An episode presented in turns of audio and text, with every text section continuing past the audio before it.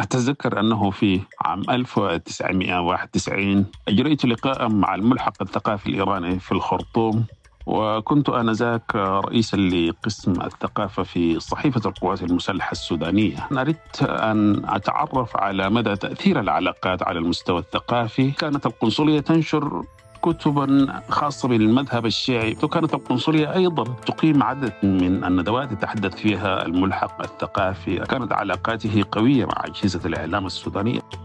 ظلت العلاقات قوية بين البلدين لكن في عام 2016 شهدت العلاقات بين السودان وإيران تحولا مفاجئا حيث قطعت الخرطوم علاقاتها الدبلوماسية مع طهران. والآن بعد ثمان سنوات من القطيعة عادت العلاقات بين البلدين بعد زيارة قام بها وزير الخارجية السوداني هذا الشهر إلى طهران.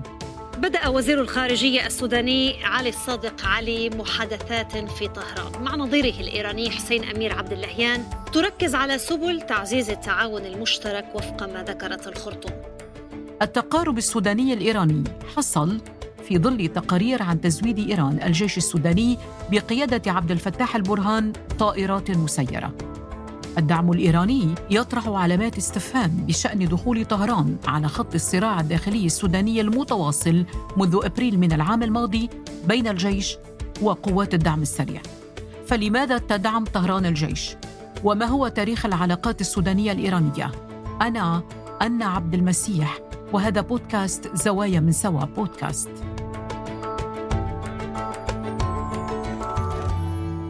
حقيقة البداية كانت في عام 74 عندما افتتح السودان سفارة في في العاصمة طهران في ظل تلاقي النظامين آه، إيران الشاه في ذلك الزمان وكان السودان آه، يحكم بواسطة الرئيس الراحل جعفر النميري.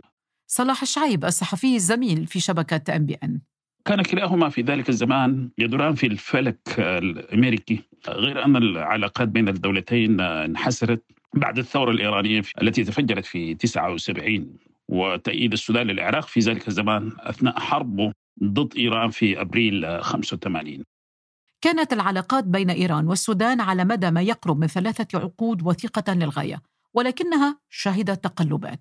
في أبريل 85 كانت إيران تعيش ظروف حرب دامية حقيقة مع العراق وباستثناء سوريا وليبيا كانت العلاقات الإيرانية مع الدول العربية بما فيها السودان كانت إما متوقفة أو متوترة آه، يمكن بسبب اصطفاف معظم العواصم العربية بجانب بغداد في الحرب العراقية الإيرانية التي بدأت في 80 ثم انتهت في 88 أتذكر بعد تولي الصادق المهدي رئاسة الحكومة كانت هنالك انتخابات في 1986 وفاز الصادق المهدي بالانتخابات تم تنصيبه رئيس للوزراء. فكانت أول زيارة للصادق بعد هذا المنصب كانت إلى إيران الحقيقة وليست إلى القاهرة باعتبار أن العلاقات التاريخية بين مصر والسودان أعمق وعلى الأقل الدول العربية وكان متوقع أن تكون الزيارة إلى بلد عربي. ولكن شكلت هذه العلاقة الجديدة بين الصادق المهدي وإيران بهذه الزيارة بعض اللوم أو الغضب باعتبار أن مصر هي الأقرب للسودان أو السعودية تحديدا بحكم العلاقات التاريخية. حتى تشاد هذه العلاقات جمعت بين السودان ومصر وكان هنالك تنسيق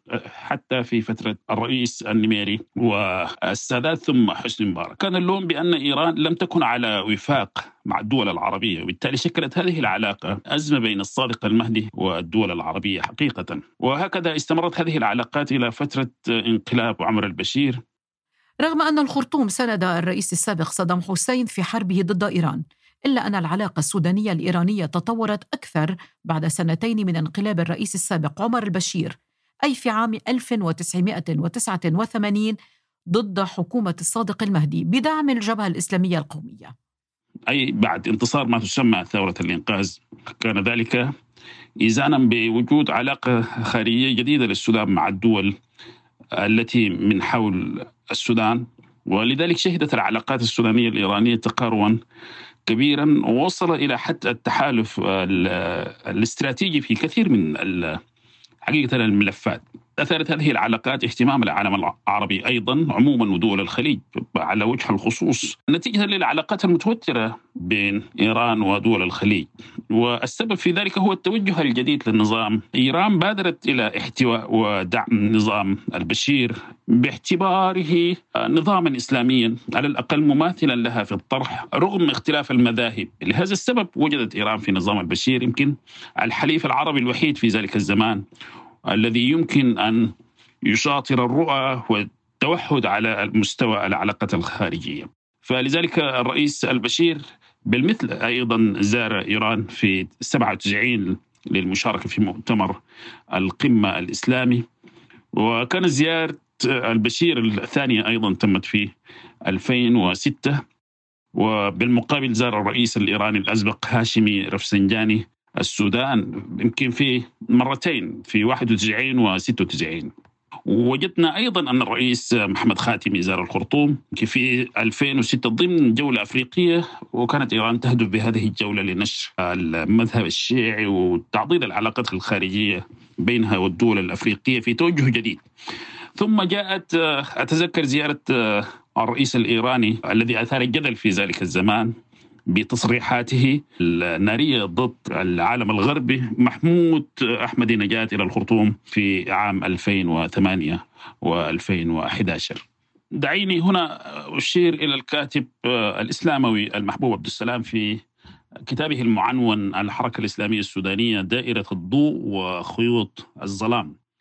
تأملات في العشرية الأولى لثورة الإنقاذ. أشار إلى أن انقلاب البشير في ذلك الزمان الذي سمي بثورة الإنقاذ رافقته الحقيقة عبارة أول حركة إسلامية تبلغ السلطة في العالم السني. في مقاربة طبعا مع الثورة الإيرانية التي كانت قبلها بعشر سنوات مؤسسة لنظام الجمهورية بوصفها شيعية. يقول أيضا أن الحركة الإسلامية في السودان احتفت بالثورة في تظاهرة ضخمة كما احتفوا بعودة الخميني إلى طهران ويمكن هذا هو الذي يجمع ما بين الثورة الإيرانية التي تفجرت في 79 وكثير من حركات الإسلام السياسي فيما يتعلق بالذين يتمنون الفكر الإخواني أو الربط بين السلطة والدين. مثل النظام الإيراني مصدر إلهام لعمر البشير دون غيره من الأنظمة العربية. وأتت زياراته المتكررة إلى طهران دون غيرها من الدول العربية في ظل الضغوط الاقتصادية والسياسية التي مارستها الولايات المتحدة ضدهما تحت ذريعة رعايتهما الإرهاب. وقد عاش السودان أيام حكم البشير عزلة دولية وعربية وأفريقية إضافة إلى ضغوط دولية هي التي دفعته صوب طهران. صلاح ما كانت تلك الضغوط وأسباب العزلة؟ يمكن من الأسباب الأساسية لهذه العزلة الدولية والأفريقية والعربية وحتى كان في عزله ما بين السودان وجيرانه نتيجه لأن النظام البشير تدخل في كان يحاول في تغيير آه، الأنظمة الموجودة حول السودان يمكن في تشات وإثيوبيا وإريتريا. نتيجة لهذه الأسباب وجود وجود آه، المؤتمر العربي الإسلامي الذي تبناه النظام في ذلك الزمان في 1991 حدثت عزلة ما بين السودان، هذه العزلة امتدت تأثيرها على مستويات كثيرة سياسية واقتصادية. آه، نتيجة للموقف المتطرف الجديد للقيادة السودانية التي كان يدفع بها إلى الأمام في مواجهة العالم الاخوان المسلمين. والعامل الحقيقي الذي فرض على السودان انذاك التعامل مع إيران كان هذا الاستهداف الخارجي المتمثل في حقيقة في الضغوطات الأمريكية والأوروبية على حكومة البشير. نتيجة كما قلنا للمواقف المتطرفة التي تبنتها الحركة الإسلامية المتمثلة في النظام السوداني الجديد. كان النظام السوداني أتذكر أنه كان يرى أن إيران تمثل طوق نجاة له في ظل السودان كان يعاني من الحصار الاقتصادي والسياسي المفروض عليه في ذلك الزمان نتيجة لمواقفه المتطرفة بعد إدراج السودان ضمن قائمة الدول الراعية للإرهاب نتيجة لتدخله في تغيير العلاقات الداخلية للشعوب في أفريقيا وفي العالم العربي وحتى محاولة الاستعانة بالدول التي تتبنى موقفا ضد الغرب. تم اتهامه بدعم التحركات الراديكالية في ذلك الزمان إلى أن وصل قمة هذا التوجه الجديد للمؤسسة السياسية السودانية الأخوانية يمكن أن نقول حتى وصل هذا إلى محاولة اغتيال الرئيس المصري الأسبق محمد حسني مبارك وذلك كان في عام 1995 في أديس أباب. هذا ما أدى إلى تعميق العزلة كما قلت بين السودان والعالم. في التسعينات أيضا عاش أسامة بن لادن في السودان يمكن لفترة خمس سنوات قبل أن تطلب منه الحكومة السودانية أن يغادر وكانت مغادرته إلى أفغانستان. إذا صلاح كيف استفاد النظام البشير من إيران؟ في أبريل 1997 وقع السودان مع إيران أكثر من 30 اتفاقية تتراوح بين المشاريع المشتركة طبعا بطبيعة الحال. السودان كان يسعى إلى أن يكون هنالك تدريب مشترك ما بين القوات الإيرانية والقوات السودانية للاستفادة من التجربة الإيرانية على الأقل. وتأهيل وتدريب آه، ضباط الجيش السوداني وأيضا آه، جهاز الأمن والمخابرات. أتذكر في مارس 2008 وقع البلدان اتفاقية للدفاع المشترك وكانت تلك الاتفاقية تتضمن التنسيق الدفاعي المتقدم كذلك الجهود المشتركة لتعزيز الأمن والسلام في منطقة القرن الأفريقي. والحقيقة السودان ارتبط آه، قبل قطع العلاقات بروابط جيدة بإيران خاصة في المجال العسكري. وكانت آه، السفن الإيرانية الحقيقة كثيرة ما ترسو على ميناء بورسودان على البحر الأحمر. إيران كانت تسعى إلى أن يكون هنالك وجود لديها في العمق البحري للسودان وهي منطقة البحر الأحمر. وكانت إيران تحاول استغلال حاجة السودان الماسة إلى السلاح. في ذلك الزمان كما قلنا كان هنالك الحرب ما بين الجيش السوداني وقوات الحركة الشعبية بقيادة قرن ذلك كان قبل الانفصال. وبدأت في ذلك الفترة أيضا آه، تمردات على مستوى دارفور ومنطقتي آه، النيل الأزرق كذلك في جنوب كردفان. وهذا ما أدى إلى تعميق العلاقة وبدأ التدقيق آه، في علاقات إيران والسودان. على المستوى الدولي والمستوى العربي والإقليمي بعد اتهام الخرطوم إسرائيل بإرسال أربع طائرات كانت غير قابلة للرصد بالرادار وتم ضرب مجمع اليرموك للصناعات العسكرية في قلب الخرطوم العاصمة وكان ذلك في أكتوبر 2012 وخاصة في المجال العسكري. في عام 2012 زار الرئيس السابق عمر البشير طهران ووصف العلاقات التاريخية بين البلدين الراسخة تردت الأوضاع الاقتصادية في السودان بسبب عدم تنفيذ الاتفاقيات المشتركة الإيرانية السودانية من اقتصادية وزراعية وأيضا إنشاء صندوق مشترك للاستثمار بقيمة 200 مليون دولار إضافة إلى انفصال الجنوب آنذاك. هذه الأسباب وغيرها ساهمت في ابتعاد السودان عن إيران. والعام 2016 شكل نقطة تحول جديدة في العلاقات السودانية الإيرانية أدت إلى قطع العلاقات. نقطة التحول في العلاقة ما بين البلدين جاءت بعد طرد السودان للملحق الثقافي الإيراني وإغلاق المراكز الثقافية الإيرانية في الخرطوم ومدن أخرى بحجة أن هذه المراكز باتت على الأقل تنشر المذهب الشيعي بين مواطني السودان. وأعلنت وزارة الخارجية السودانية في ذلك الزمان أن تلك المراكز تجاوزت التصديق الممنوح لها وغزت بشكل كبير تهديد الأمن الفكري والاجتماعي في السودان. وكذلك تم في تلك الفترة أيضا إغلاق الأجنحة الإيرانية في معرض الخرطوم الدولي للكتاب وذلك لأكثر من مرة منذ 2006 فضلا عما كشفه وزير الخارجية السوداني علي كرتي يمكن في مايو 2014 عن رفض الخرطوم لعرض ايراني إيران في تلك الفترة قدمت للخرطوم عرض لإنشاء منصة دفاع جوي على ساحل البحر الأحمر للحد من عمليات القصف الإسرائيلي للأراضي السودانية بسبب وجود محاولات لتهريب السلاح إلى إسرائيل.